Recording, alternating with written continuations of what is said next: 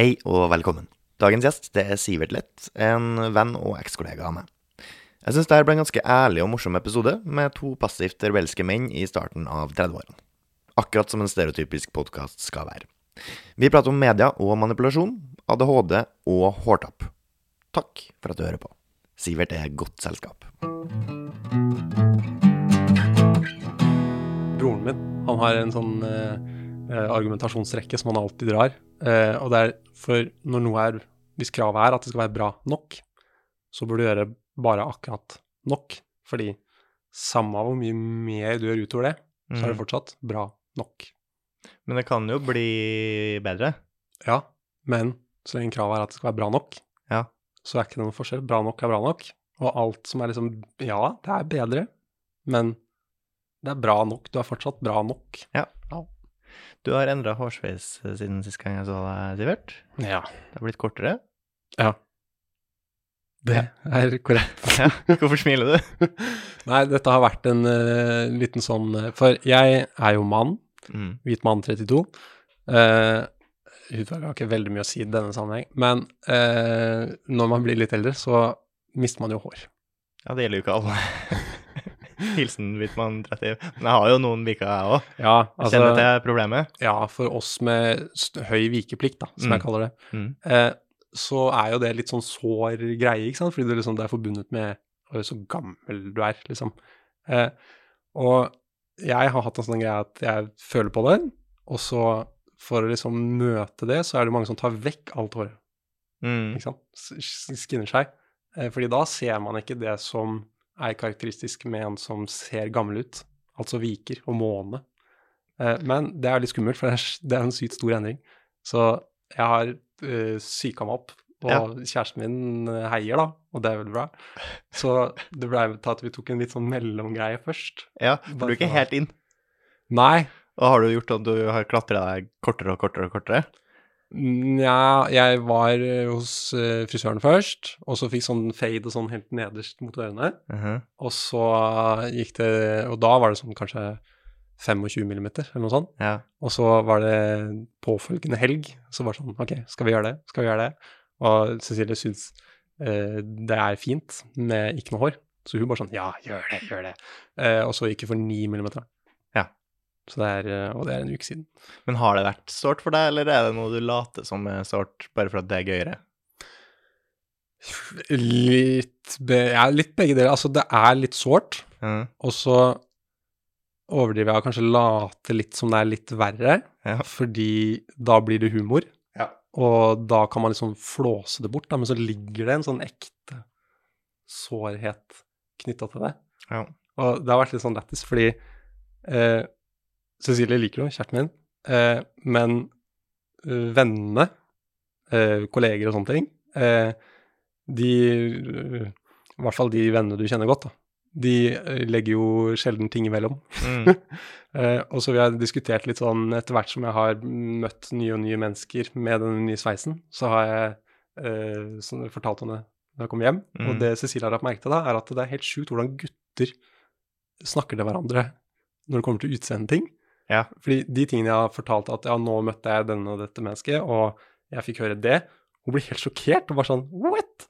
Og liksom, eh, når det har blitt mange sånne opplevelser, så er liksom konklusjonen at noe sånt kunne man aldri sagt til en jente. Nei. Og det syns jeg er litt sånn interessant, for det er jo en del av liksom På en måte en sånn sosiale Hva skal man kalle det? Uh, det, det? Det er en del av det å være mann som går på den sosiale interaksjonen, da. Ja. Jeg føler også at uh, akkurat hår, da, ligger liksom Det ligger akkurat på grensa der at det nesten er greit, i hvert fall blant venner.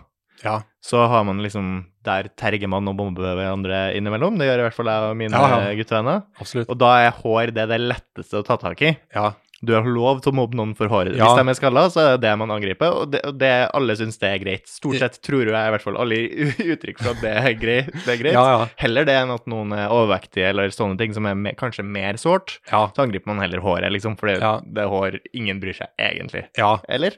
Jo, ja, men altså, jeg er helt enig, og jeg syns det er gøy. Ja. Så det, det må sies her. Det, så når jeg igjen forteller at jeg hadde den og den opplevelsen, for eksempel, det var en som sa 'har du tapt et veddemål', Mm. så syns jeg Jeg ler jo og syns det er gøy. Ja. Og så var det en som spurte 'har du slåss med en gressklipper'? Ja. Og det er jo gøy, for da så- svarer jeg 'ja, du skulle sett åssen den ser ut', liksom. Altså, det er jo gøy, men hvis du liksom tenker over eh, det som faktisk blir sagt, da, og så Mm. det da, kjæresten din sier liksom 'snu det rundt', hvis du hadde sagt det til en jente, så hadde det ja, nei, det er, jo, det er jo ikke sånn man skal oppføre seg. Nei, men hvorfor er det reaksjonen? Fordi det er, det er forskjell. Sånn er det bare. Og ikke bare fordi det er jente, men fordi det ja, altså, Jeg tipper du kunne ha hatt litt lik sjargong med eh, kvinnelig venn. Ja, jeg vet ikke, jeg er ikke kvinne, eller eh, Hvis du hadde hatt en eh, veldig tett venninne, da, da kunne du erta hun for noe lett Altså ikke akkurat hår, for hvis hun hadde slitt med håret, det er på en måte mer sjeldent hos jenter, så er nok hakket Ja. mer sårt. Ja, i Eh, hvert fall Men hadde det vært en annen Altså, du kan jo være tergende og ertende med venninna, ja, men kan man det, som man med gutta. ja, men kan man det på utseendeting? Det er det, for det er det jeg Mm, syns Kanskje i mindre grad på utseendeting. Ja, og så Ja. da over til det der liksom det, altså det er noen ting ved det å være mann som går på det sosiale. Ja. På samme måte så er det det med kvinner òg. Mm. Eh, og det den opplevelsen her har liksom åpenbart for meg, da, er at det er, det er jo veldig stor forskjell på Ja. de sosiale tingene knytta til det kjønnet man er. Ja. Du sa jo det, det er liksom Nei, det, sånn oppfører man seg ikke. Mm. Det kan man ikke si når det er en jente, men når det er en guttekompis, så er det megalættis, og da bare kjører vi på. Ja. Så når eh, det i tillegg også er litt sånn sårt og trist at jeg mister håret, så har det vært interessant å snakke om det. Ja, Vik unna, her kommer jeg. Hvordan ja. syns du den nye sveisen er sjøl, da? Eh, eh, når jeg gikk over til kort hår, det er en av første tingene jeg bare sånn Oi, dette er jo megadigg. Det er jo Du får ikke luehår. Ja. Spesielt på vinteren så er det megadigg. Og du, når du går ut av dusjen, så er det bare sånn håndkle én gang, Mm. og så er du tørr. Mm. Du For du har aldri vært kortklipt før ever? Nei. Nei. Aldri. Du har ikke prøvd det før du begynte å miste håret engang? Nei, men også det sjukeste er jeg, jeg, jeg, jeg er usikker på om jeg faktisk mister for jeg har liksom åpenbart veldig høye viker. De som ser på, kan vurdere. Har de stoppa, eller klatrer de mer? Ja, men det er det jeg er usikker på, fordi Mm. når jeg ser på bilder av meg selv fra jeg liksom er 21, altså 10-11 år siden, så har jeg fortsatt veldig høye viker. Så jeg er litt sånn Er det bare sånn jeg ser ut, kanskje? Men jeg, jeg tror det har blitt høyere viker. Ja. Og så tror jeg jeg ikke har så veldig måne. Men det er vikene, det er vikeplikten som tar meg. Mm. Jeg har også um, litt vika. Mm. Og de er veldig mye mindre flatterende når jeg har langt hår. Jeg prøvde en periode å få langt hår. Ja. Eh, Ja, det skjær. gikk ikke så bra. Mm. Eh, jeg får ikke noe fint hår når det blir langt. Det blir tynt, pistrete, og jeg, det ser ut som vikene mine er større enn de kanskje egentlig er. For Ja. nå, når du har litt kortere hår, så faller på en måte håret litt over vikene. Ser de ikke så ille ut i det hele tatt, syns jeg sjøl, da. Det er for all del litt vika. Og så syns jeg litt vika går greit. Noen kule folk med vika. Ja, men jeg Det handler vel om sånne selvbevissthetsgreier. Jeg føler jeg For eksempel så er jeg vel Min motivasjon for å ta håret kort når du har enten måne eller viker, Mm. det er at jeg skal i hvert fall ikke gå i hente-sveis-fella. Nei. Altså, jeg Hvis noen kan se på meg, og så ser de en sveis, som, og så tenker de Oi, han prøver å dekke til eh, et hårtap. Sånn som jeg gjør nå, egentlig. Ja, det- at håret mitt faller litt over uh, min verste vik, som er min høyre vik. Hvis du er i tvil. Den går lengst opp, og det er Ja. på en måte mitt fall. Ja, Faller over den. ja. Men Så det er en slags hentesveis. Ja, det blir jo det, men hadde ikke du sagt noe, så hadde jeg aldri tenkt over at det er det du gjør. Nei. Men hvis det er synlig at oi, han har ordna håret sitt sånn at han Ja. dekker over noe Jeg ordner ikke det naturlig at håret faller mot den, men Ja. uansett, det er heldigvis. Ja, okay. Heldigvis har genene mine rydda opp etter seg. Keep telling yourself. Ja. Men for meg, da er det bedre å bare Å ja, han har kort hår. Ja. Det, for, for meg så er det noe sånn, litt sånn der brutal ærlighet, da. Bare ei det. Mm. Jeg vil heller det. Så i fare for å gå i en sånn hente-sveis-ting, så kjører jeg heller på med 9 millimeter. Ja. Har du vurdert å gå helt inn?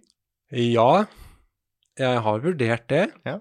Og så er jeg jo veldig heldig med Jeg har god skjeggvekst, da. Mm. Eh, så Ja, for det, da skal du ha ganske bra skjeve. Hvis du skal ta alt håret og ikke ha skjegg i det hele tatt. ja, jeg føler med skjegg Det blir en god drahjelp, da, Ja. med eh, når Mm. man har eh, godt skjegg. Mm. Men jeg vet ikke helt Jeg har åssen inntrykk av at det går litt sånn hånd i hånd òg. Hvis du har liksom eh, høyere testosteronnivå, så får du bedre skjegg og mindre hår. Ja, fins det noen som Har har kjempemåne og dårlig skjeggvekst? Eh, Få. Det er jo sikkert noen, men få. Jeg har inntrykk av at de Ja, som mister håret tidlig, i hvert fall, de har ofte ganske god skjeggvekst. Ja, f mm, for jeg kan ikke komme på at jeg har sett en med lite hår på huet og dårlig skjegg, men det er vel kanskje fordi at de som har lite hår på huet og godt skjeggvekst, god skjeggvekst, velger å ta vekk alt på huet. Mm. Så det er de du, du ser jo det tydelig når en er skinna, da. Ja. Mm. Mm. Ja. Jeg tenkte vi skulle prate litt om eh, medias samfunnsoppdrag som et tema. Ja, Eh, Som litt apropos fordi, hårtapp. apropos hårta- hårtapp. Ja. Nei, bare fordi jeg husker at uh, vi drev og så på en kronikk sammen, for jeg, jeg tror ikke den noensinne ble publisert. Men jeg er jo egentlig utdanna journalist og har jobba som journalist, og vet at du er litt opptatt av det. Jeg så på kronikk som vi vurderte å få noe publisert. Du vurderte å publisere en kronikk, tror jeg. Og Ja, så omskrev jeg deg for det, og så Ja. ville du ikke, Ja. kanskje. Det sprang ut i at eh, jeg var rasende på en journalist i NRK. Ja. Og Følte at her er det behov for korreksjon. Ja. Ja. Og da Ja, går det varmt i fingrene på Sivert. Ja. Og så jeg eh, skriver fort, Ja. eh, og så skriver jeg sånn eh, 90% bra. Ja, Eh, jeg syns du skriver ganske godt. ja, også, men eh, for at det skal være et leserinnlegg, så må det være 100% bra. Mm. Eh, så der kommer jo du inn i bildet, da. Mm. Og så gjør det liksom den lille Men ja. Ehm, medias ansvar. Hva er det som gjør deg sint?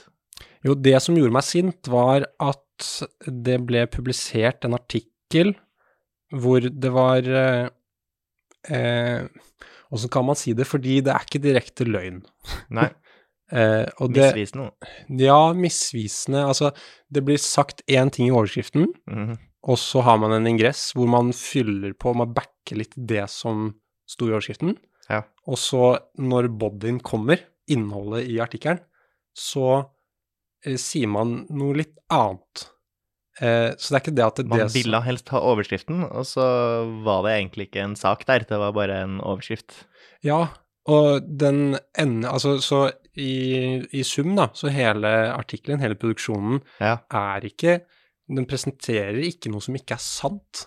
Men mitt poeng er at eh, media eksponerer content ut mot folk, Ja. og folk leser ikke alle ord. Folk eh, leser ikke fra A til Å, og så gjør seg med Oi, hva, eh, hva var det som egentlig ble sagt her? Man reflekterer ikke.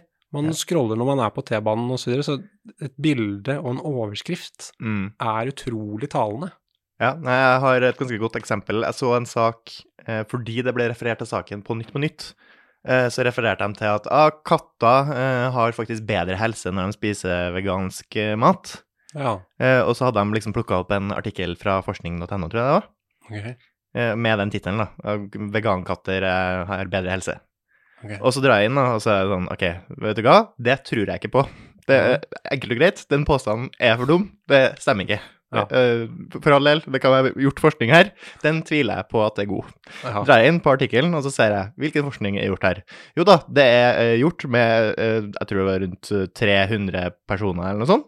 Ja, personer med katter, katter, katteeiere, katteeiere som har selvrapportert. ja. Altså studien det her er Yes. snakk om, der har man spurt eiere av katter, der over halvparten var eiere av vegankatter. Hvordan er helsa til katten din? Og dem som da har gått inn for et valg og gjort katten sin vegansk, ja. har mistenkelig nok sagt det går kjempebra. Det Mm. går mot all, all forventning. De, har det, de er så sunne og fine. ja. Man har ikke sjekka kattene, det har man ikke. Nei. Um, og så er det litt det gode gamle Hvis de faktisk har gått inn for å gjøre katten sin vegansk, de har, det er et valg man tar. Mm. Det er ikke det naturlige valget å gjøre. Det naturlige valget er å gi katten kattemat. Ja. Så de vil jo naturligvis ikke selvrapportere at 'nei, jeg gjør noe kjempeskadelig på katten min', jeg. Jeg skader katten min hver dag. De vil jo ikke si det når, hvis de blir spurt. Så det er bare sånn Og det her har på en måte forskning.no. Forskning.no har brukt Mm. det som en overskrift. Ah, vegankatter er sunnere. Det er sånn Nei, det er de ikke. Én sånn dårlig forskningsartikkel gjort med 150 eller 300 eller hva det var, det var i hundretallet, liksom. Ja. Katteeiere som har selvrapportert helsa til katten sin, det holder ikke. Det, det, er ikke. det er ikke fakta. Altså, det kan godt hende at den katten er daudsjuk Ja. uten at eieren merker det. Ja. Ja. Eh, og, og også, eh, altså Det kan godt hende at eh, eieren merker det, ikke merker det, men at det er tilfellet. At den overser det. Ja. Mm. Men Men ønske at katten skal ha det bra. ja. Men var- det sånn at du leste da en artikkel som pekte på forskning.no sin artikkel? Nei, eh, jeg så forskning.no, eller jeg så Nytt på Nytt, som refererte til da forskning.no sin Ja, Tittel? sånn, Dro jeg inn på forskning.no, så på artikkelen, og så trykker jeg på studien, som da var referert til igjen. Så dro Ja. jeg inn på studien, og så ja, antall deltakere 157, et eller annet sånn. Eh, Vegankatteeiere sin selvrapportering. Og da er det sånn, ja, det, det er ikke en godkjent studie, er det det? Er det, er det bra nok? Ja, men da, for det blir litt sånn, eh, det, det kan minne litt om den artikkelen som jeg ble rasende på, altså, for da kan liksom forskning.no, det er populærkultur i forhold til vitenskap og forskning, Ja. eh, det stemmer jo at det foreligger en, eh, det må vel kunne kalles en rapport, eller forskning, Ja. eh, og, så, som peker i retning av at eh, katter som er veganske har bedre helse. Nei, nei, tittelen her burde vært eh, veganske katteeiere eh, mener, eller Ja. mener katten Ja. deres har bedre helse av Ja. å spise vegansk. Ja. Det, det er forklaringa. Ja. Det er det man har funnet ut her. Ja, Man den- har sjekka om vegan, eh, altså eiere av vegankatter, hva de syns om helsa til katten sin. Det er det man har studert her. Ja. Med et veldig lite ut, altså, utgangspunkt, egentlig. Ja, for, og det der, det handler jo om formidling, altså kontekstuell formidling, ikke sant. sant? For man kan si da, eh, uten å direkte lyve, siden det er jo vært gjort forskning her, og så kan man si at eh, man kan diskutere om forskningen var god, eh, eh, om den skal fullstendig avvises, eller om den slår fakta fast, Ja. men eh, Og det gjør aldri Forskning gjør aldri det. Forskning, forskning slår aldri noe fakta fast. Nei. De har en hypotese, og så sier vi ja, hypotesen ser ut til at det, det kan stemme. Foreløpig så våre undersøkelser gjør at det her ser ganske faktuelt ut. Og jeg skjønner at det er et problem i liksom dagligtale. Eh, altså, ingenting er sånn man kan, man kan se på det på den måten. Ingenting er fakta, sånn, for du vet aldri helt. Mm. Fair enough, det blir et problemat, eh, det problematisk språklig. Mm. Men jeg får også en litt sånn utfordring når du ser fakta.no, da, som er den her eh, liksom selvjustisaktige nyhetssida, eh, som jeg tror kanskje er Ida Skipsted eller noe sånt nå. Der er det flere som er, har eierskap inn.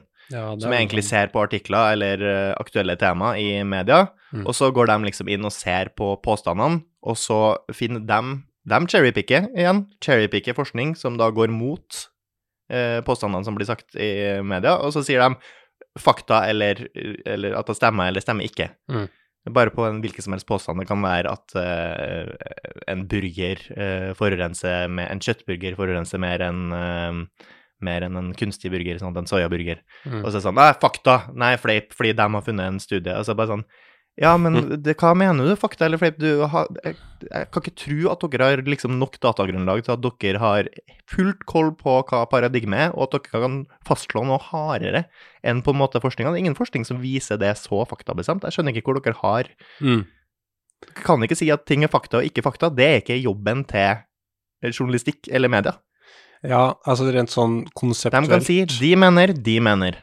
Ja, Media skal ikke mene noen ting. De mener, de mener. ja, men altså, den, sånn jeg har forstått, nå har ikke jeg lest, Uh, nå leser ikke jeg faktisk.no hver eneste dag, men tanken bak den var vel uh, å kunne kontrollere konkrete påstander. Ja, men Eh. uansett, da. Ta grunnlaget i da den påstanden som var den første som jeg husker fra det faktisk.no, som det heter, ikke fakta, jeg sa feil. Ja. Eh, Faktisk.no, så var det Da var den her hvor mye forurenser eh, kjøtt kontra ikke. For der er veldig mye Det er et betent tema. Folk mener at kjøtt er et Ja. problem for klimaet.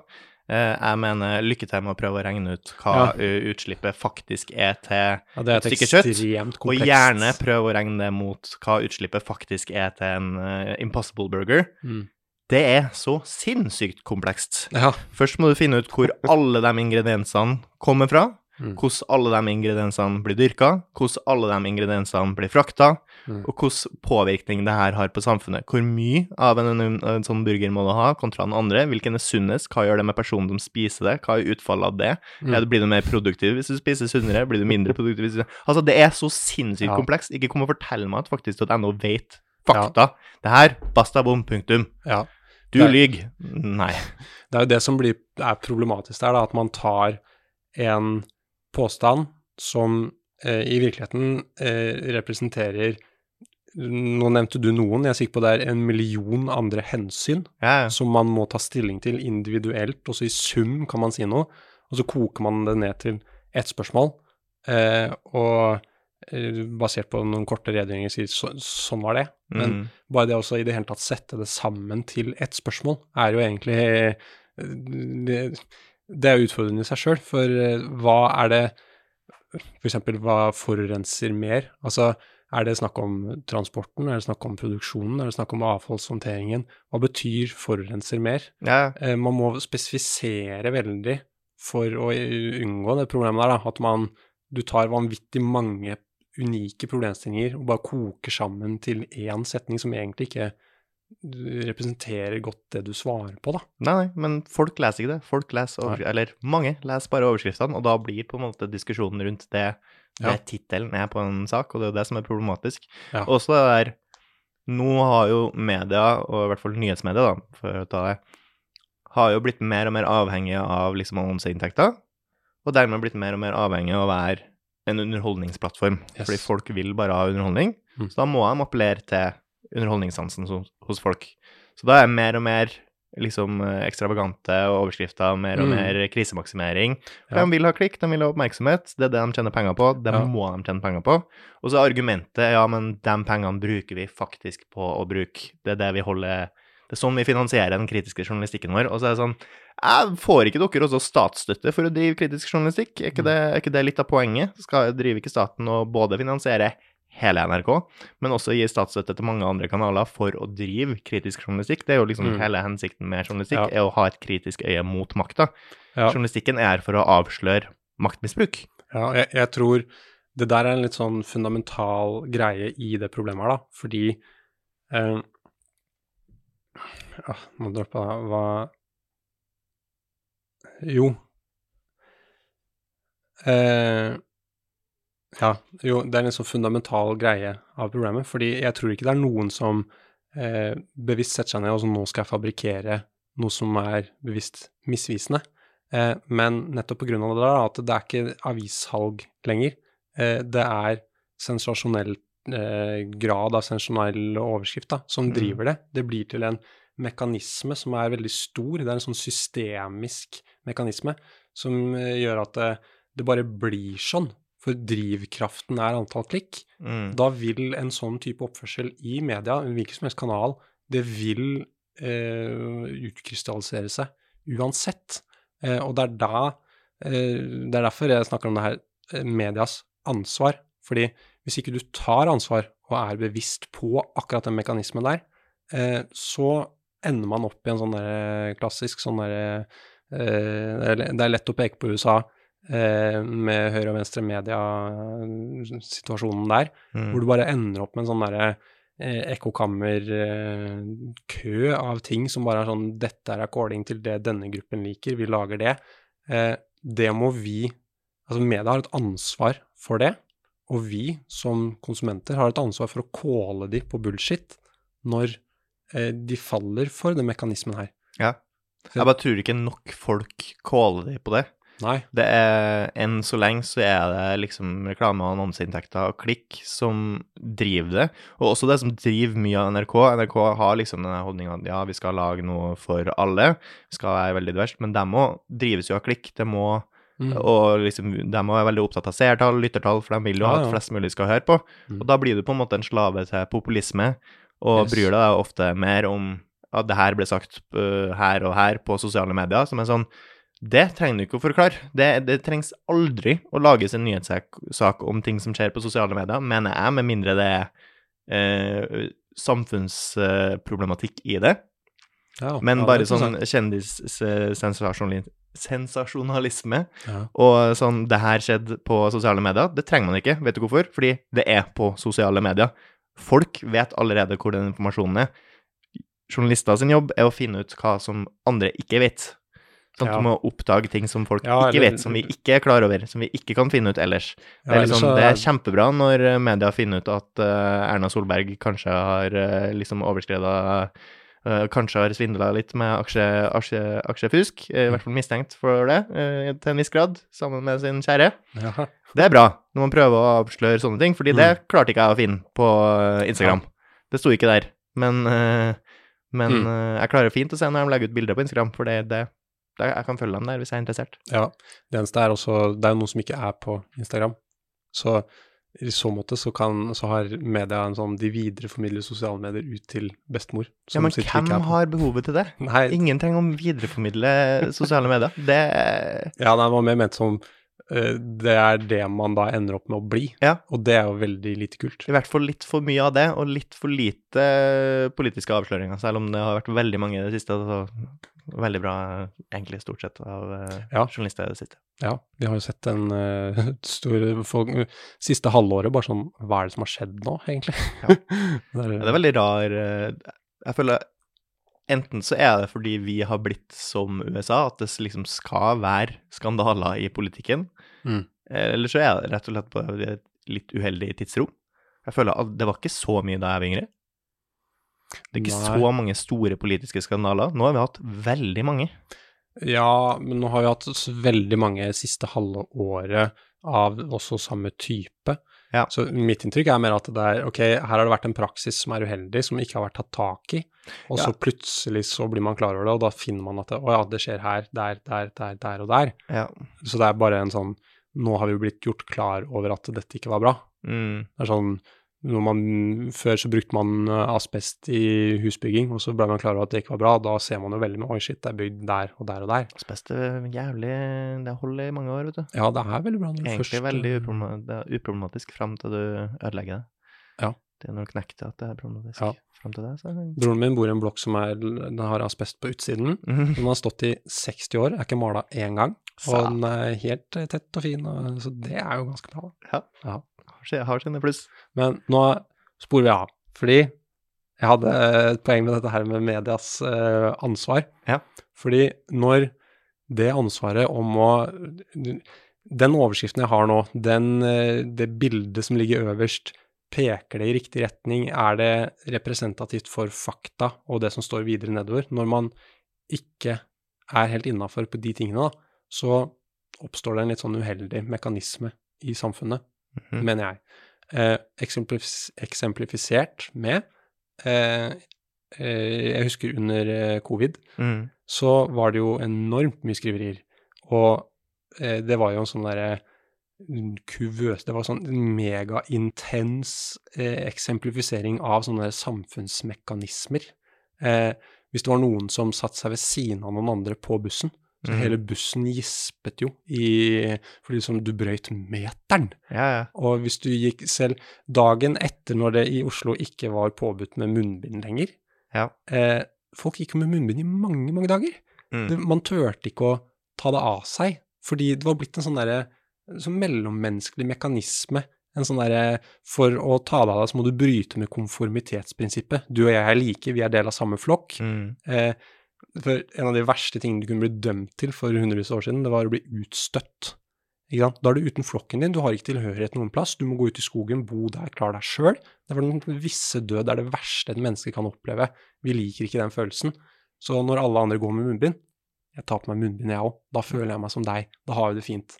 Eh, og den mekanismen der, var en sånn derre det sydet og boblet over i samfunnet av eksempler av den type ting som sånn her, føler jeg. Og det beste eksempelet jeg kan ta på dette, er et som jeg falt for selv. Ok. Eh, jeg husker eh, under eh, var en periode der så var det snakk om denne teorien om at viruset kom fra en lab i Kina. Ja. Eh, jeg eh, husker veldig godt, fordi jeg var en del av det selv, Mm. at media eh, I hvert fall i, i sånn jeg opplevde media, og Hæ? alle jeg diskuterte dette med rundt meg, eh, opplevde en enorm harselering med eh, folk som eh, argumenterte for den teorien. At Ja. Dette var et virus som kom fra en lab i Kina. Mhm. Det eneste som nådde gjennom i media med det narrativet, det var Charter-Svein.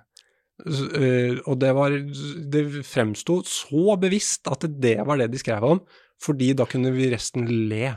Og se så dum han er. Ja. Eh, så det er Hvis du er på, på Team Labbeteori, så er du på Team Chartersveien. Ja, du er på Team Charter-Svein. eh, og det funka jo. For jeg husker at jeg satt i lunsjen og kjefta på kolleger. Og tenkt jeg er ikke Team Chartersveien. Ja, men, og, ja det, det tenkte jeg. Og jeg kjefta på kolleger fordi at eh, hallo, hvor idiot er ikke du? Ja. Tror du virkelig dette kommer fra en lab? Er du helt klin kokos? Så satt jeg Ja. og, og tenkte og, og sa og argumenterte for. Og så viser det seg etterpå at uh, spol fremover en god del måneder, Mm. så verserer den teorien med en helt annen legitimitet. Mm. Den diskuteres på en uh, mye mer seriøs måte. Den er anerkjent uh, på en, en helt annen grad. Men fortsatt lagt bort. Ja. Fortsatt lagt bort. Ja, men det er en stor forskjell. Ja. Det, det er det. Du blir ikke ledd, og sammenlignet med, ledd av eller sammenligna med Chartersveien lenger, om du snakker om den. Og da blir jeg litt rasende, fordi da blir det sånn Hva i all verden er det media driver med i det ene øyeblikket? Ja. Når de putter folk i gapestokk, Ja. eh, og så viser det seg etterpå at eh, den var ikke verdig å putte folk i gapestokk for. Ja. Hvor er ansvaret for alle de viktige meningene som burde kommet frem? Én ting er i media, men også over lunsjbord, i kantiner, som da blir muta, fordi folk Ja. tør ikke av dette konformitetsprinsippet. Nei, du, og du har jo også det der eh, hvor fort eh, Det der var både media skyld i, og også liksom styresmaktene var skyld i der. Eh, den ene dagen så er det ekstremt viktig at vi holder meteren. Den andre dagen så er det helt greit at vi står og protesterer for Black Lives Matter. Og Mm. det er sånn Ja, for all del, det er fint at vi kan protestere, men hvis det var så jævlig farlig med den meteren, så er ikke det en prioritering. Mm. Beklager, det er ikke det. Ja. det, det du kan ikke si den ene tingen den ene dagen, og den andre tingen den andre dagen. Det, da, hvordan kan jeg stole på deg da? Mm. Hvordan kan jeg stole på deg da? Ja. Det var det samme, det var kanskje den første blemma da jeg oppdaga Nok en gang, beklager, Erna, det var ikke ville at jeg skulle gå utover deg, men jeg hadde deg i minnet nå. Men da vi så deg liksom på fest med masse folk, der du brøyt liksom antall folk på fest-regelen, Mm. da er det sånn du, Hvorfor Du kan ikke gi oss den regelen, og så bryte den sjøl? Da er liksom hvor Ja. Jeg prøver jo å ha tillit til styresmaktene her nå når vi er i en kjempekrise, og så Ja. bare lyver du til meg hele tida! Ja. Hele tida! Jeg har lyst til å ha tillit, men hvordan faen skal jeg fortsette å ha tillit når du lyver hele tida? Også, og styresmaktene, de er Altså, regjeringen i land, de er definitivt underlagt de samme mekanismene. Eh, og under covid spesielt, så så vi eh, denne effekten i mediene Mm, eh, og fra styresmaktene. mm, Det var eh, Altså, begge disse mekanismene lot, eh, gjorde seg gjeldende fra begge hold. Og det blei en sånn derre sinnssykt effektiv eh, suppe ut av det. Ja. Man, eh, man gjorde jo Man gikk bare helt uten å Altså, hvis du stilte spørsmål, så var du Team Charter-Svein. Ja. Hvis du eh, ikke complya med den eh, gemene hop, så, så ble du ledd av jeg, jeg lo jo av kolleger på Ja. jobben. Det er sykt. Jeg er glad jeg ikke var helt der, men jeg husker jo i starten, jeg òg. I starten så var jeg for at det skulle være strengere. Ja. Uh, fordi da, før man visste hvor farlig viruset var, så burde det jo egentlig vært Det, det mener jeg i dag òg. Da burde man vært strengere.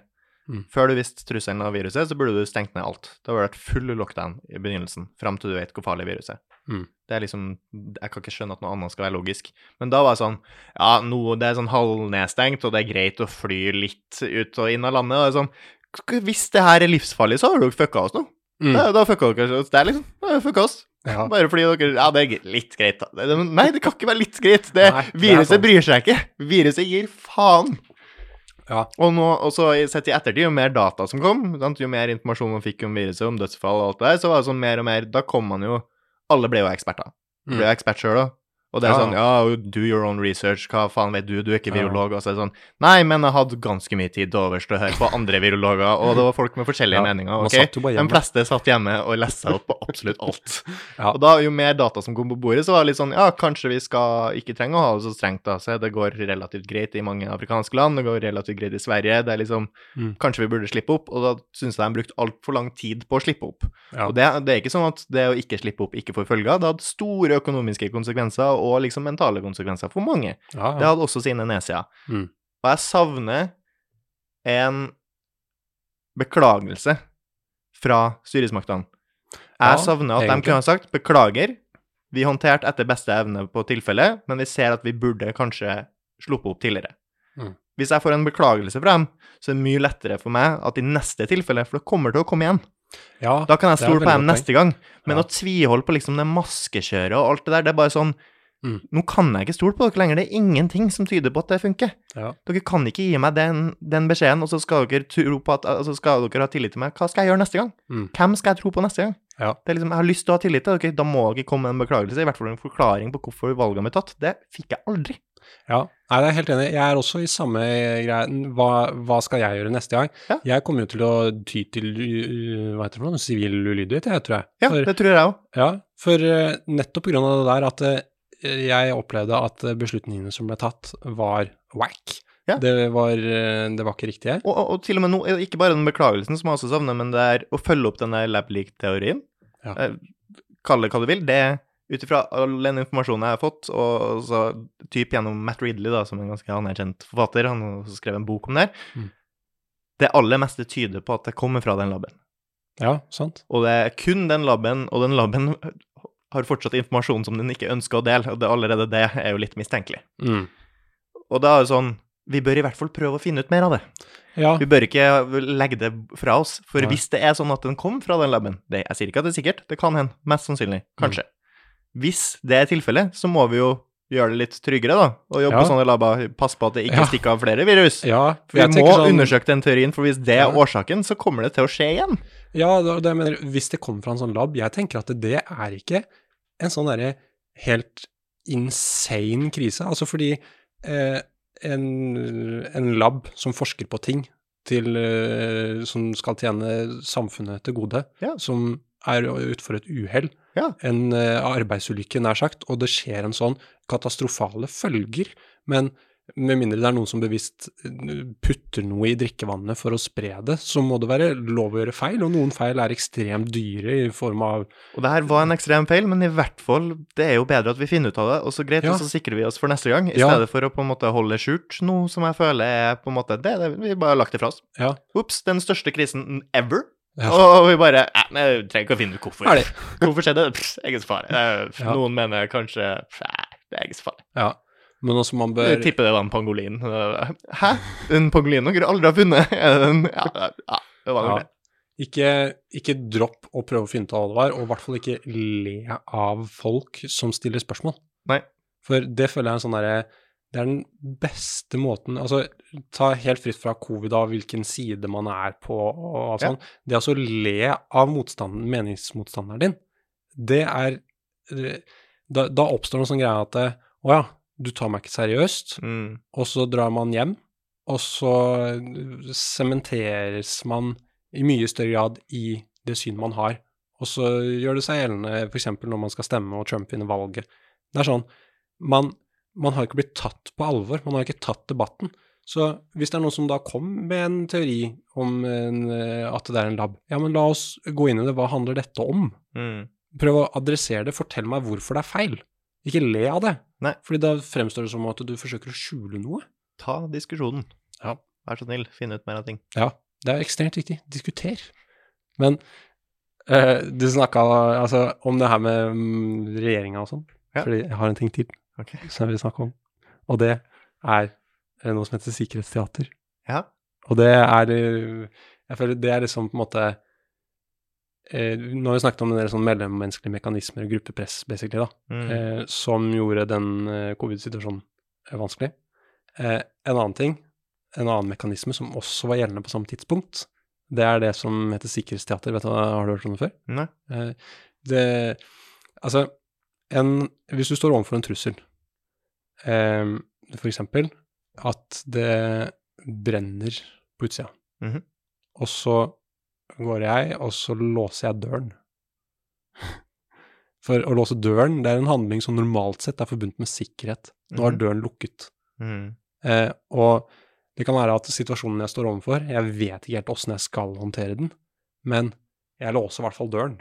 Nå har jeg gjort noe. Jeg har tatt affære. Ja. Og så kan du si ja, men ja, det var en handling som i stor grad er forbundet med sikkerhet, vanligvis, Mm. men det var helt feil tiltak å gjøre i den situasjonen du sto overfor. Så kan du si sånn ja, men jeg måtte jo gjøre noe. Ja, det måtte du, eh, og jeg visste ikke hva jeg skulle gjøre.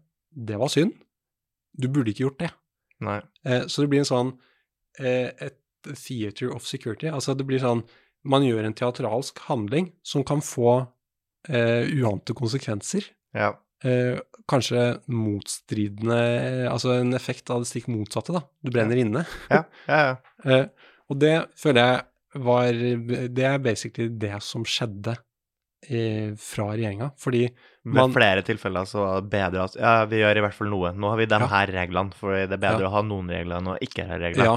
Og skal det, si sånn det, det å innføre tiltak, det er i hvert fall et tiltak. Ja. Å ikke gjøre tiltak, det er ikke en handling. Og så er det sånn, jo, det er jo egentlig en handling, det òg. Ja, det kan, å være at, det kan være at det var den Fordi av de options du står overfor, da Det er sånn, Mm. ok, skal vi gjøre tiltak A, B eller C? Og så ser du at det, for tiltak A, B og C, så er det en helt sånn insane lang liste med konsekvenser Mm. som putter oss i en verre situasjon enn de andre alternativene. Ja. Så da kan det være jeg har, jeg har kartlagt alle konsekvensene for alle de alternativene, funnet ut at alle alternativene gjør at jeg havner i en verre situasjon enn jeg er nå. Ja. Ta et bevisst valg om å ikke gjøre noen av de. Det Mm. er et veldig bevisst og godt overveid valg, Ja, ja. men det ser dårlig ut fordi du gjør ikke noe. ja. Derfor så velger er jeg å bare gå for noe. Ofte det Det er jo tilfellet der med Jeg husker det var etter Tsjernobyl eller en eller annen atomulykke. Mhm. Så var liksom kom det noen anbefalinger fra regjeringa at nei, nå kan vi må passe på å ikke spise det og det, fordi det kan få, eh, ja. det kan få uh, følger. Og så er det bare sånn Fordi nå blir strålinga økt, eller å, det er farlig med strålinga der, og sånn. sånn. Hæ? Ja, men det, det er jo ikke farlig stråling i det hele tatt. Det er bare sånn folk ønsker at det skal komme tiltak, og det var sånn Ja. Ja, vi må gjøre noe. Det er bedre å gjøre noe enn å ikke gjøre noe. Ja, Men det kan eh, Det er litt uh, interessant, da, fordi litt sånn Man skal ikke undervurdere effekten av placebo. Det kan hende at et tiltak som i virkeligheten er meningsløst, er det beste å gå for, for Ja, ja. fordi det betrygger befolkningen. Man får et inntrykk Å ja, det var noen som gjorde noe, så hadde det ingen effekt. Men det var det at noen gjorde noe, Mm. betrygget folk, så man fikk det bedre. Men poenget er at du må jo være klar over Ta konsekvensene av tiltaket inn over deg. Jeg låser døren nå.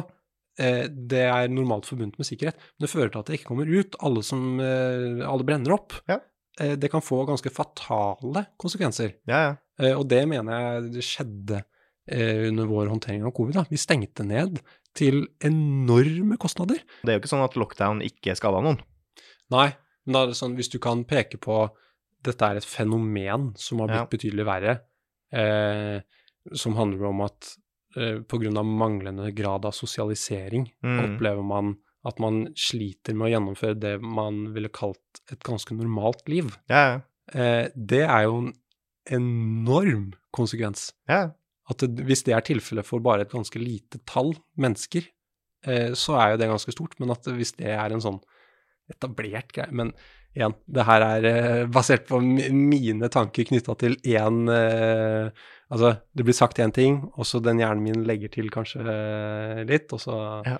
Men poenget står, mener jeg. jeg. Du skrev eh, til meg at du hadde lyst til å prate litt om ADHD. Eh, Ja. Eller, altså Jeg satte det opp som punkt fordi jeg, min opplevelse er at folk syns det er interessant å prate slash høre om. Ja. Og så er jeg Jeg har ADHD. Ja, Og jeg er- med den diagnosen. Jo, takk. Jeg var en av de første som fikk det. Da het det MBD. Minimum Brain Damage. Okay. Eh, barneskolelæreren min han tulla litt, for han sa at vi hadde MBD begge to. Jeg hadde minimum brain damage, det var det det het, mens han hadde maximum brain damage. da. Så det var veldig gøy. Ja.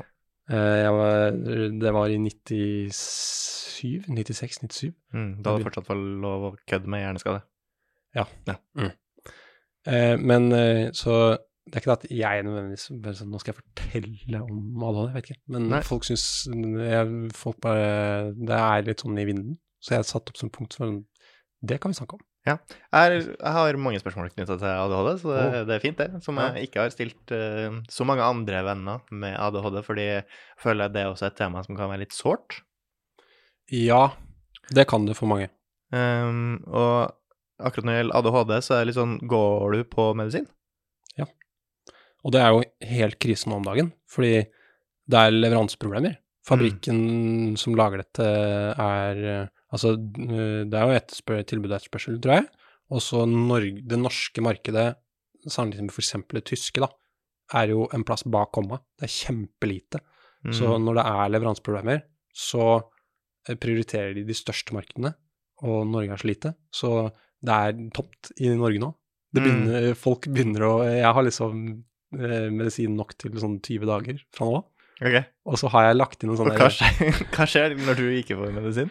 Ja, det blir jo veldig gøy, da. Ja. Det blir jo Nei, men altså, det går jo på sånn klassisk sånn konsentrasjonsvansker, eh, fysisk uro, eh, er hit og dit og klarer ikke å det, Du kan Men det, konsekvensen, hvordan symptomene uttalte seg, er ekstremt forskjellig Ja. fra individ til individ, og spesielt også mellom kvinner og menn. Mm. Eh, du har jo liksom den klassiske kiden med Duracell i rumpa, som ikke klarer å sitte stille, veldig fysisk. Det syns jo Du kan se det fra 80 meter, så den er veldig lett å plassere. ja. Men du har jo mange som har varianter av dette hvor alt denne fysiske uroen foregår så i form av tanker inni ditt eget hode. Ja. Da sitter du helt i ro, så går det ikke an å se det. Og eneste konsekvensen er kanskje at du får veldig dårlige karakterer fordi du klarer ikke å konsentrere deg. Eh, Så det er også ADHD. Hva er forskjellen fra ADHD og ADD? Jeg tror eh, Nå er det lenge, lenge siden jeg slutta å være involvert sånn i utredningssammenheng og sånne ting, så hvordan medisinstanden ser på dette i dag, er jeg ikke helt sikker på, men det siste jeg har hørt, er at det er ikke noe som heter ADD lenger. Ok. For ADHD er en diagnose på autismespekteret. Eh, og egentlig så syns jeg begrepet ADHD er litt uheldig, fordi eh, vi har tatt ca. hvis La oss si det finnes en million mennesker på kloden med Mm. ADHD, så har vi tatt en million ulike sykdommer som utarter seg ulikt, Mm. og så har vi kalt det ADHD. Ja. Så det er liksom, det er så sykt mange varianter av dette, da. Og så, som du sier, det er jo også en skala, uh, så at Ja. det går fra litt urolig til ADHD, til veldig, veldig ADHD, til Og som Ja. du sier, hvis det også er på, eh, på autistspekteret, så går det jo fra ADHD til, til mer autist. Ja, men jeg kan ha Jeg Altså, jeg har ADHD, altså jeg, så derfor så kan jeg- med legitimitet si at jeg er autist, Mm. og det er jo veldig gøy. Men sånn øh, Det som mange tenker på når man sier autist, sånn derre å ha Christiane og kunne telefonkatalogen Ja. og, og Du fikk ikke autist-superpowersen. Nei, Nei. men eh, Som er, som er helt syk. La oss bare prate litt om det, fordi det, det finnes så mye sjuke tilfeller der. Sånn, Ja. En som blir flydd over Paris og kan gjengi liksom, og kan tegne hele byen totalt korrekt etterpå, etter å ha sett det Ja. én gang. Det er så sjukt! Ja, det er Hva har skjedd der? Ja, men tenk da, fordi vedkommende har jo en hjerne som deg og meg. Ja, Tenk- eller den har jo ikke det, den har en mye bedre hjerne. Nei, men han har Hjernen er jo lik. Du, altså er- Men bare tenk liksom hvilket potensial som egentlig fins i hjernen, da. Ja, Som eh, gjør seg gjeldende på sånne alle kan ha superkrefter. Ja, sånn, eller kan vi Jeg skjønner ikke det der, altså. Nei. Og det er noen som eh, De kan høre 800 sanger én gang, Ja. og så kan de bare gjengi alle perfekt baklengs. Ja, Det er liksom bare det er helt sjukt. Ja. Men tror du det Fordi disse Men de fikk du ikke. Nei. Nei. På, nei, på ingen måte. Det kan jeg ikke Men tror du disse menneskene Altså For ofte så er, er jo de Så skorter det jo på andre egenskaper. Ofte, men jeg vil jo tro at det er noen av de som også har ivaretatt andre egenskaper til at de på en måte bare har blitt det vi definerer som veldig suksessfulle personer. da. Ja. Vil jo tro at du finner noen autister blant liksom de aller rikeste eller aller mest Ja. kjente, ja. kjente musikere eller innenfor kunst Altså, eller jo mer jeg på en måte lærer om autisme, Mm. jo for meg mer utvanna blir det, på en måte. Fordi dette Det finnes så sjukt mange varianter, og du har ekstreme triste historier og ekstreme suksessfylte historier ja. som begge begrunner det med en eh, autismediagnose. Ja. Da, da, har du, du, har- du har jo alle varianter. Ja. Altså, man kan jo ende opp med fra A til Å her. ja. liksom. ja du har litt sånn eksempel Herman Flesvig, liksom. Ja. Det er jo, der bruker man den energien til en bra ting. Ja. Og det er jo litt sånn, det er jo en ettertrakta egenskap å være energisk. Ja. Så hvis du har ADHD-formen som gjør deg energisk, og gir deg, gjør at du er en sprelsk og energisk person, så er jo Ja. det egentlig en ganske god egenskap, med mindre Ja. du skal gjennom et vanlig skoleløp, da, sånn som alle må tvinges gjennom. Ja, det er ikke så, Eh, Så, er liksom, men utenfor det så finnes det jo mange andre ting du kan gjøre med den der energien din, som er veldig bra. så er, veldig ettertrakta bra. på, på skolebenken. Nei, er ikke, Det er det ikke. Nei. Men i andre deler av samfunnet så er det jo veldig ettertrakta. Ja, og det at tankene går så raskt, gjør at man litt sånn by accident eh, fungerer veldig Man er veldig kreativ. Mm. Ikke nødvendigvis at man er kreativ, men det blir sånn fordi du bare spretter hit og dit, og bare bom, så kommer det en sånn syk tanke fordi du har ikke noe filter. Så Mm. de rundt deg opplever deg som veldig, veldig kreativ ofte. Men eh, den derre varianten som jeg kan relatere meg mest til, da, det er jo den herre ikke klare å sitte stille-typen. Ja. Fysisk uro. Eh, når ikke har medisin, vil jeg merke. Mm. Eh, og jeg beskriver det litt som en sånn derre Hvis du ser for deg en bil som har altfor kraftig motor, eh, så den står på startbanen, og den er så klar, den bare gønner på, men han står bare og spinner. Så det skjer jo mye. Det er mye lyd, det er mye bråk, det er hjula spinner, og det ryker, og det, det er jo åpenbart Du merker fra langt hold at det her skjer noe, Mm. men man får ikke utnytta energien til å gå framover. Du får ikke brukt energien til noen ting. Og sånn kan det være litt når du har den der eh, energiske varianten, da. At du kan liksom Ja, men du er jo Du har jo så mye energi. Du kan jo, hvis du er motivert og liker det, så kan du løfte et fjell. Eh, men så har jeg fått en regning, så, og den har ligget på bordet i syv måneder nå. Jeg har fått tre inkassovarsler. Eh, det går ikke an å gjøre det. Du får sånn der ADHD-paralyse. Det er fordi du står bare og spinner. Du får liksom ikke gjort Og det, det kan se ut som latskap, da. Hæ. Men eh, ja, det er veldig interessant. Nei, for jeg har uh, tidvis tenkt at jeg kanskje er på ADHD-spekteret, også. Ja, Eh, kanskje det er derfor vi går så godt sammen. Kanskje. Mm. Bare fordi jeg også har inntrykk av at jeg tenker fort og sliter ofte med å konsentrere meg. Men hvem gjelder ikke det? Ja, det er veldig Og så er det den derre eh, når Alle har jo sosial- konsentrasjonsvansker nå. Ja, det er ingen som klarer å sitte og se på og følge med på én ting i åtte timer. Nei, med mindre det er det du elsker mest Ja. i hele verden. Gaming, eksempel. Ja, ja, det, det kan jeg sitte med åtte ja, timer i strekk. ja, men det er liksom altså, vi er mennesker, vi har en hjerne som er avhengig av stimuli. Mm. Eh, og hvis du er i en situasjon hvor du opplever at her er lav grad av stimuli, så vil du hige etter å prøve å finne noe annet å stimulere hjernen med. Mm. Om det er en flue som flyr, eller hva som helst. Og da mister man konsentrasjonen. Så det er ikke noe Det er en veldig naturlig ting. Mm. Men i takt med sosiale medier, eh, og at vi har Vi har mye tid, og vi scroller, og bare du har fem minutter på T-banen, så fyller du den med eh, 7, 8, 9, 10, 35 små, korte videoer. Ja, med mindre du aktivt prøver å ikke gjøre det, i hvert fall. Ja, definitivt. Eh, men, og hvis alt det handler om eh, Hei, visste du at hvis du sliter med å følge med på ting, så kanskje du har ADHD? Mm. Eh, Så blir man jo veldig bevisst på sånne type ting. Eh, og så tenker man Jeg er jo sånn, jeg er megahypokonder. Hvis jeg ser på TV at det er en av dem som har fått eh, kreft bak i øret, så bare sånn nei, nå har jeg kreft i øret, liksom. Okay. Eh, så det er klart, det er jo veldig menneskelig å bli bevisst noe ved en selv som man hører andre snakke om. Ja. Så, men det, man, det jeg alltid pleier å si, hvis det er noen som lurer på om de har ADHD, så er det sånn at du opplever et problem i hverdagen hvor du hadde opplevd at livskvaliteten din hadde steget hvis du hadde sluppet det problemet. Ja. Da er det kanskje på tide at du bør gjøre noe med det. For alle kan føle på at de ikke konsentrerer seg så mye. Eh, har det ført til sånt problem at du har mista jobben?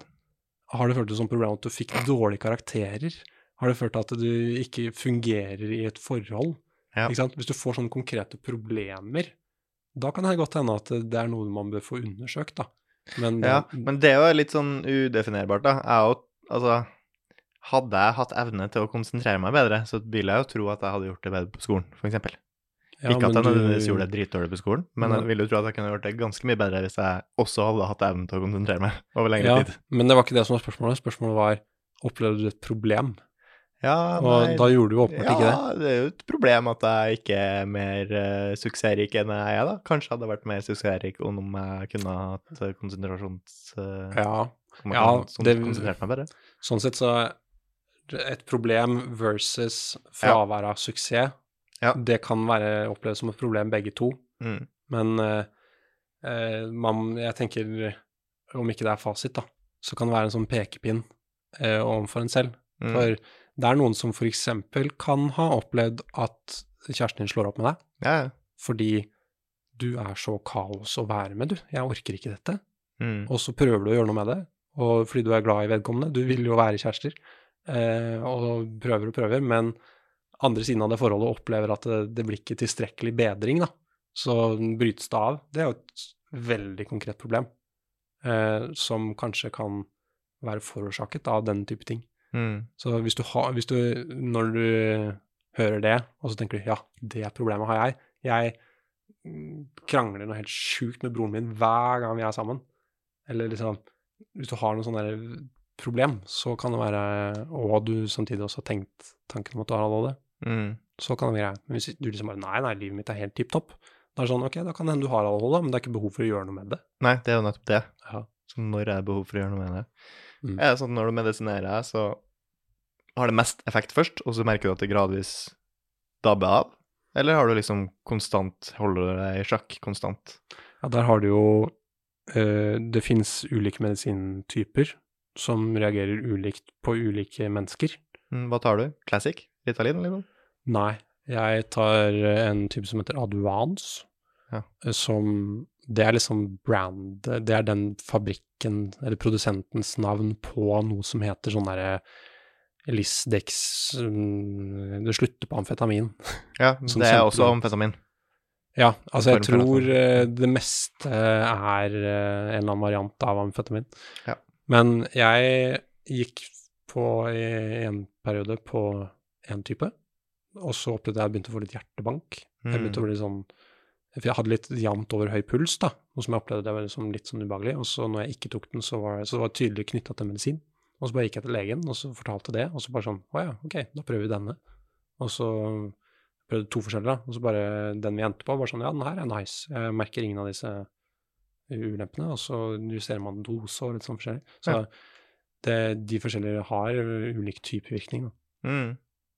Eh, har du noen gang prøvd å sjekke hvor mye liksom type trening, kosthold, søvn har å si for liksom ADHD-en? Søvn har eh, Altså søvn, fysisk fostring osv. Dette er ting som ville ha positiv effekt på alle mennesker. Mhm. Og hvis du har en iboende utfordring med å håndtere livet, så blir den drahjelpen søvn, ernæring, fysisk fostring kan gi deg, den blir jo ekstra utslagsgivende. Ja. Fordi liksom, øy, når jeg gjør disse tingene, så fungerer jeg bedre. Eh, så ja, det hjelper. Mm. Eh, men min erfaring er at det hjelper på samme måte som det hjelper eh, deg og hvem som helst andre, til at hvis du kan løpe opp og ned en trapp eh, uten å bli sliten, Mm. sammenlignet med å bli dødsliten av to trinn, så har du et bedre liv. Ja. Men det er Så- ikke nok til at du liksom har merka at du kan påvirke ADHD-en, da. Ikke for mitt tilfelle. Nei.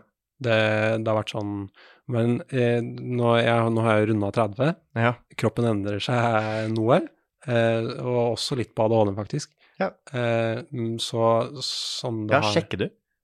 Går du på en måte noen dager uten medisin bare for å sjekke hvordan det står til? Jeg er liksom typ det siste året eller to, da, så har det hendt at jeg har glemt. Ja. Også før, da.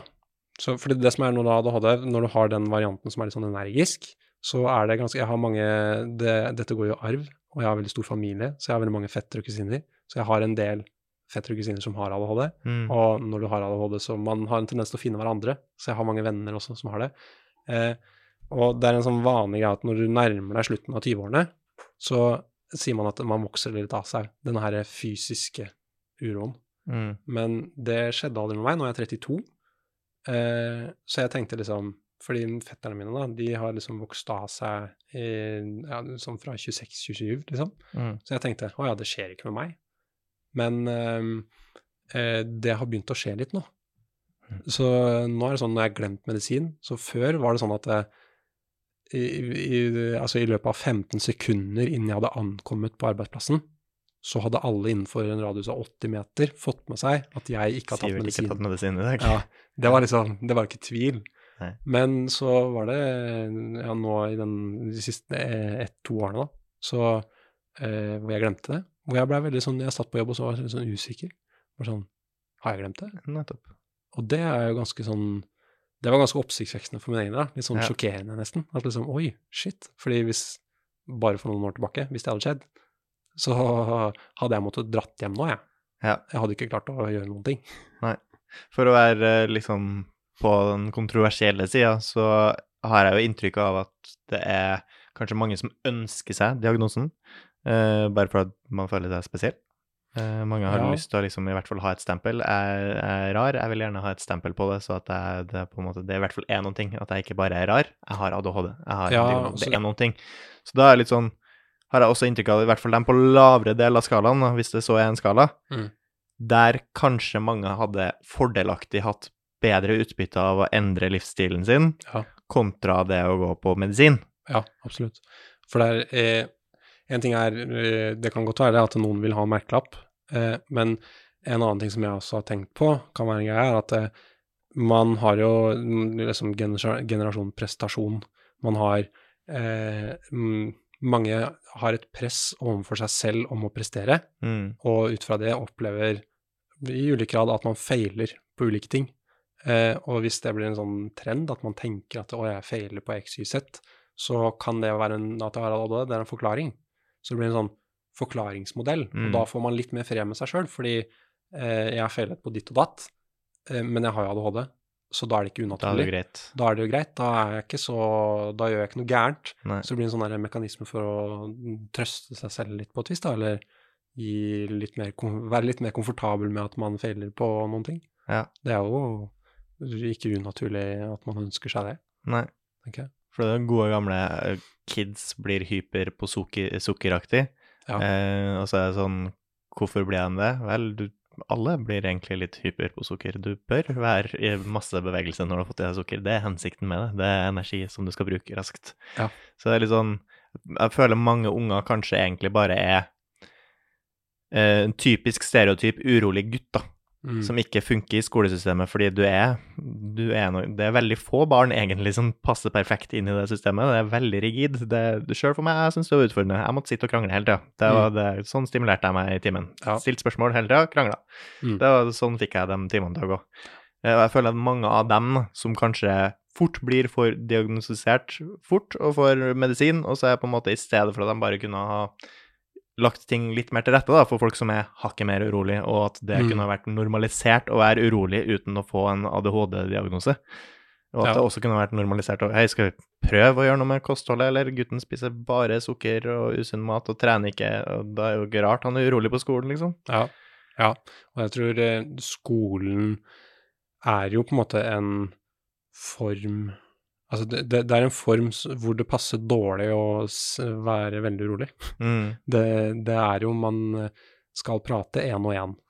Man skal sitte og lese denne teksten, du skal skrive, du skal Det er veldig mye sånn stillesittende eh, oppgaver som krever konsentrasjon, da. Ja. Hvor man før kanskje eh, i større grad hadde mer sånn praktiske ting, for arbeidslivet var annerledes. Det var behov for folk som kunne praktiske ting. Mm. Da fikk du beveget deg litt mer og fikk ut den energien, og dermed fungerte bedre. Mens nå skal jo alle må være utvikler, fordi vi har ikke noen sånne andre, har ikke noen andre behov. Nei, vi har ikke noen andre type jobber igjen i Nei, det er sant. Eh, så hvis du da sliter med å sitte i ro og trykke på en PC en arbeidsdag, Ja. så er du veldig uheldig, da. Ja. Og du vil jo da fremstå som et utskudd, Mm. tenker jeg. Det er heldigvis fortsatt på for praktiske yrker, altså ikke det. Når kommer AUHD? Når kommer hva, sa du? ADUHD? U, som i uhyggelig. Ultra-HD? Å ja, ultra-HD. En slags dårlig, dårlig Ja, jeg tenkte Siden du først hadde HD, og så hadde du UHD. Og så. Ja, Ja, for, 4K, liksom. ja, for uh, uh, jeg har uh, en jeg vokste opp sammen med, som hadde ADD, Ja. og jeg hadde ADHD. Så Ja, han hadde liksom Jeg føler jo at ADHD er utviklingen av ADD. Ja, det var liksom Han har ADHD, han har ADHD uten H. Ja. Han mangler en hyper Ikke hyper. Ja. Det er sånn, du er, har du sett Powerpuff-jentene? Eh, ja. Når han er professoren skal lage jentene. ja. Kjemikalie X. Ja, han heller jo oppi ulike ingredienser. Ja. Og når man lagde meg, da, så var det med ingrediens H Hyper. hyper. Mens han andre, da, han Nei, den tar vi ikke oppi der. Så da fikk han bare Det har blitt fortalt veldig mange historier om barndommen her. Ja. Sånn, det var det som ble gjort med deg, Sivert. Ja, ok. Ja, det har vært eh, mye dialog. Ja. Det blir jo myndigere ut av sånne ting. Så, eller ja, monolog, kanskje. da. Shit. Hvordan eh, håndterer du eh, liksom eh, suget fra eh, sosiale medier og sånn? Er det, er det noe som påvirker en med ADHD mer? Liksom Ja, skifting av tankegang og sånn? Ja, definitivt. Eller altså, jeg er ikke så på sosiale mediekjøret, annet enn at Instagram-feeden min er full av undulater og papegøyer, mm. og det er kjempegøy. Men eh, min verste frykt er derfor Altså, jeg har jo litt dødsangst. Redd for å dø. Ja. Eh, og fra sånn tidlig barndom eh, så den primære drivkraften bak min dødsangst, det var frykten for å kjede meg. Fordi når du dør, så jeg sammenlignet det med, med å Du ser for deg Ja, du ser for deg at å være død er bare som å ha igjen øynene og være Ja. blind, rett og slett. Ja, du skal være blind, ja. Blind og sitte i ro. Det, det var sånn Jeg, jeg, jeg grua meg så til å dø, Ja. for, for å liksom oppleve det, da. Men så er det sånn, altså når du er død, så det, Du kan ikke registrere fraværet av noen når ikke du er der for å registrere. Nei. Så nå tenker jeg ikke så veldig sånn. Men klarer du å rasjonalisere det? For jeg gjør ikke det. Åssen da? Jeg har fortsatt ekstrem dødsfrykt. Ja. Og jeg klarer ikke å Selv om jeg vet at ja, når jeg er død, så er jeg ikke klar over at jeg er død, så det er ikke så farlig. Ja. Mest sannsynlig altså, mest sannsynlig så kan Eller ikke mest sannsynlig, men jeg kan også velge å dø på en måte som gjør at jeg ikke merker når Ja. jeg dør heller, at jeg ikke merker smerte også når jeg dør. Ja. Så da har du egentlig ikke noe å si. Likevel så er jeg kjemperedd for å dø. Vil ikke Ja, dø, hva- syns det er kjipt. ja, men hva er det den dødsangsten handler om? Hva ved det å dø er det du som Jeg liker liv. Ja. Like å leve. Vil jeg ha lev... Det er det eneste jeg kjenner til. Vil jeg heller ha det enn alternativet som jeg ikke vet hva er, men mest sannsynlig er ingenting? Ja, Ja. jeg liker alt bedre enn ingenting. Ja, men når det er ingenting, altså når du er død, Ja. du er ikke der for å registrere. Det blir det samme som Det har vært en Ja, ja. hjelp for meg, da. Eh, savner du tiden før du ble født? Nei, vet du hvorfor jeg ikke savner den? Fordi Nei. den ikke eksisterer. Den sugd liker jeg nå jeg lever bedre enn jeg likte før jeg ble født. Ja, Ja. jeg liker jo tiden nå bedre enn før jeg ble født, Ja. fordi da var jeg ikke til stede. Ja. Samme rasjonale kan jo dra andre veien. Ja, sant. Jeg er enig. Jeg også jeg har dødsangst primært fordi det er så trivelig å leve. Ja. Men uh, uh, Hva skal jeg si? Sånn er innimellom faller man ut. Ja. Jo, nå kan jeg få det. Så min strategi er du må bare leve så lenge at livet blir så slitsomt at du bare blir lei. Og bare Ja. sånn Nå skulle jeg ønske Fordi når du blir gammel, liksom, du får vondt her og der, og du er sliten, og det virker i hvert fall sånn på de Mm. gamle jeg har hatt interaksjon med. Ja. Eh, og hvis du går i det, og sier si liksom de Se for deg at du lever til du blir 100, da.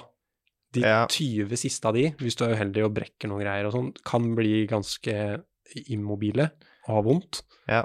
Så hvis du liksom over 20 år liksom bare ah, Ting gjør vondt. Altså god gammeldags seigpining. Du vil ha det. For jeg har jo også ja. frykt, den samme frykten som gjør at jeg ikke vil dø, fordi det er kjipt, er jo også knytta til aldring. Jeg vil jo heller ikke bli eldre, for det er jo også det- kjipt av samme grunn, fordi jeg vil ikke bli eldre og sliten. Ja, ja, men da er du redd Én ting er å være redd for å dø, den en andre ting er å være redd for å bli gammel. Mm. Men du kan si sånn gammel skal vi bli uansett, eller de fleste blir jo det. ja. Men perken med å være gammel over tid, tenker jeg, Mm. er at etter hvert som alder stiger, så synker også eh, Eller altså, du kan si sånn attraktiviteten ved å dø ja. stiger. Fordi, livet suger så hardt. Ja, fordi det gjør så vondt. Og så så, så du Men her er jo da argumentet at du vil at dine siste år skal være så kjipe at du heller vil dø. Jeg vil leve så liksom, lenge. hmm. Jeg vil bli så gammel Det finnes jo mange som holder seg i kjempegod form fram til de dør òg. Altså som selv blir gammel, og selv blir Altså holder seg godt, som jeg sikkert ikke vil dø. Ja, ja, det er vel kanskje enda bedre, men det er vel uh, unntaket, jeg tror. Ja, det kan Altså de fleste som blir så gamle som det jeg har lyst til å bli, er jo sjelden uh, maratonløpere helt inn i det siste. Ytterst sjelden. Ja. Men eh, det der med at man ikke savner tiden før man var født, det har hjulpet meg og min eh, dødsangst eh, en del. Eh, Ja, men eller du burde jo savna den tiden. Fordi det er jo den du skal tilbake til. Så hvis du savner den tiden, så betyr det jo at du verdsetter den. Ja, men litt som den derre å være redd for å dø. Hvis døden er sånn at du bare skal lukke øynene, da, da er du jo Det betinger at du er til stede for å registrere at dine øyne er lukket, og at du kjeder deg. Ja. Men Det tror jeg jo ikke på. Det vet jeg. Altså, mest sannsynlig så er det ikke sånn. Det vil jeg ikke se for meg. Nei. Det blir i hvert fall grusomt. ja, Ja. det er mitt uh, Hvor var det? det Ikke nok en gang, ikke for å, ikke være slem med de blinde, men å ligge, være evig blind. Det er det jeg uh, legger vekt på at kommer til å være grusomt. Ja, altså, Å være blind i seg sjøl kunne det vært, men det å være blind og ikke få noen annen form for stimuli Nei. Du skal bare Du skal ikke sitte engang, Nei. fordi det er en stimuli. Du kjenner muskulaturen Mediter for alltid. Å, fy a meg. Jeg blir rasende av Jeg ble spurt på, på jobben så har de sånn der yogatime-greier. Ja. Jeg ble spurt om jeg skulle være med på yoga. Jeg bare sånn Nei! Jeg hater Altså, med, meditering Ja. Jeg blir rasende. Forskjell på meditering og yoga, da. Ja, det, det er enig. For yoga kan være skikkelig bra trening, men det her var sånn puste-meditasjons-yoga. Ja. Eh, Har du prøvd? Ja. Med meditering? Ja. Hvilke former har du prøvd? Ja, det er jo sånn i sånn yoga jeg ble lurt med. Eh, på, Ja, nei, ser du det i yoga, men har du prøvd å bare sitte helt i ro, men på en måte med lukka øyne i ti minutter, uten å gjøre noen ting? Jeg, jeg klarer ikke å komme på en sum penger du kan gi meg. Jo, ok, en sum penger skal jeg Det ville funka. Men Ja. altså Altså, det er ekstremt tungt. Jeg syns det er vanskelig. Ja, det er bare- det- Nei, men det er, ikke, det er bare så ekstremt kjedelig. Ja, det Altså, det. det fins så mye Har du hørt om YouTube? Det er så mye gøy du kan se på, konspirere, du kan lære ting, du kan bli tatt Ja. inn i en verden av Du på podkast, eh, alt mulig. Og så skal du bare sitte der. Og så bare det, Verden er et tog av muligheter. Så skal du bare sitte her og se på det toget, bare Skal ikke prøve å hoppe på engang. Ja. Nei. Du som har så mye aktivitet oppi hodet. Ja. Ja, du kan jo følge med på det. Det er det man gjør når man mediterer, stort sett. Så er det jo at man får med seg ting som skjer i hodet. Ja, det er vel kanskje litt sånn for min del at det er så mye som skjer i hodet, så hvis jeg ser på YouTube, Mm. så fokuserer jeg på det, og det er bare én ting, Ja. og det er behagelig. Ja. For hvis du skrur av, så er det alle de 17 andre tingene som kjører samtidig, og det er en ubehagelig opplevelse, da. Mm. Så det er vel det. Hvis det sitter noen som skal bare 'Nå skal vi puste', så bare sånn Ja, men hva med alle de 200 andre Mm. Altså Ja, jeg puster jo åpenbart, for jeg lever. Hvis ikke jeg puster, så vil jeg dø. Jeg trenger ikke snakke om det. Nei, der er jo uh, treninga å prøve å fokusere på én ting. Bare så at du får uh, filtrert ut Ja, for eksempel YouTube. Skal Skal se på YouTube. Ja. Nei, each to his own. Ja. Så eh. Skal vi avslutte her? Skal jeg avslutte allerede nå? Nå som var så godt i gang? Nei, hvis du har noe mer du har lyst til å si, så kan vi godt ta det. Nei, jeg må si, altså, min sånn primære motivasjon for å være med her, Ja. det var for at, eh, at eh, nå henger vi jo sammen, Ja, ikke sant? Det eneste måten det går an å henge med meg på, er hvis det blir filma og tatt opp. Ja, ja, vi, ja vi, henger, vi jobber jo ikke sammen lenger, og sånn, vi henger ikke så mye sammen. Og så, jeg må fortelle til slutt da, historien om første dagen vi møtte hverandre. Ja. Fordi, eh, du vet, noen ganger så bare får man sånne greier, så klikker man, og så bare merker man at liksom bare, å ja, eh, så er det et eller annet usagt som bare blir etablert mellom to individer. Mm. Jeg vet ikke om du Ja, ja. har opplevd sånn, altså man bare, du, eh, altså det beste eksempelet er at man ser en iskiosk, og så bare ser man på hverandre, og så bare vet man at begge tenker nå skal vi ha is, ikke sant? Mm. Eh, så vårt sånn moment da, det var når eh, vi skulle lage en film om eh, vi skulle tøyse med sånn hjemmekontor, og det var jo en joke at man kunne sitte på Teams-møter uten bukser, og så, men nå skulle vi begynne å komme på kontoret igjen, og som en sånn funny element ved det, så skulle du møte opp på jobb uten bukser, Mm. som en slags confusion mellom eh, Teams-møter og møte på ekte. Og så, når vi skulle forberede den scenen, så eh, Ok, nå skal vi ha den, da må du ta av deg buksa. Og så bare eh, helt uten å mukke, så bare begynner du å kneppe opp, og så mens du ser meg i øya, og så blinker du, og så, så tar du av buksa. Og jeg tenkte, ok, denne fyren Vi hadde aldri snakket sammen før, du var helt ny på jobben. Eh, og jeg bare tenkte sånn, ok, han fyren her, han Vi kommer til å bli venner. Så det var liksom det momentet for vår del. Ja. Eller for min del. Ja. Eh, ja. Åpenbart en uh, utadvendt fyr. Ja. Ikke vond å be. Nei. Nei. Så er det noe med den derre uh, I didn't see that coming. Den, den sånn vi skulle, humor. Vi skulle jo lage humor. Så da Ja, måtte det jo være en Jeg må jo være litt i det humoristiske hjørnet. Ja, man må det. Ja. Takk for at du kom, Sivert. Takk for at jeg fikk komme.